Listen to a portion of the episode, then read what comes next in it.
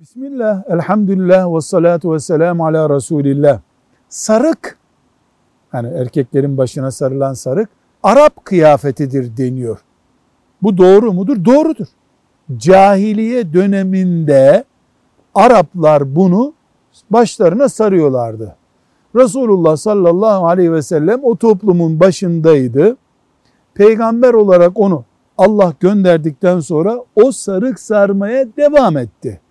Dolayısıyla sarık Araplarda vardı. Peygamber sallallahu aleyhi ve sellem onu başına mübarek başına sararak İslam'a mal etti. Araplar evleniyorlardı.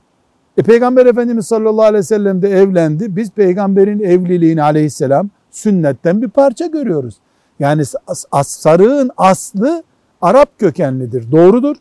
Sıcağa karşı, güneş çarpmasına karşı vesaire kullanılmıştır. Daha sonra bu İslam'a mal olmuştur.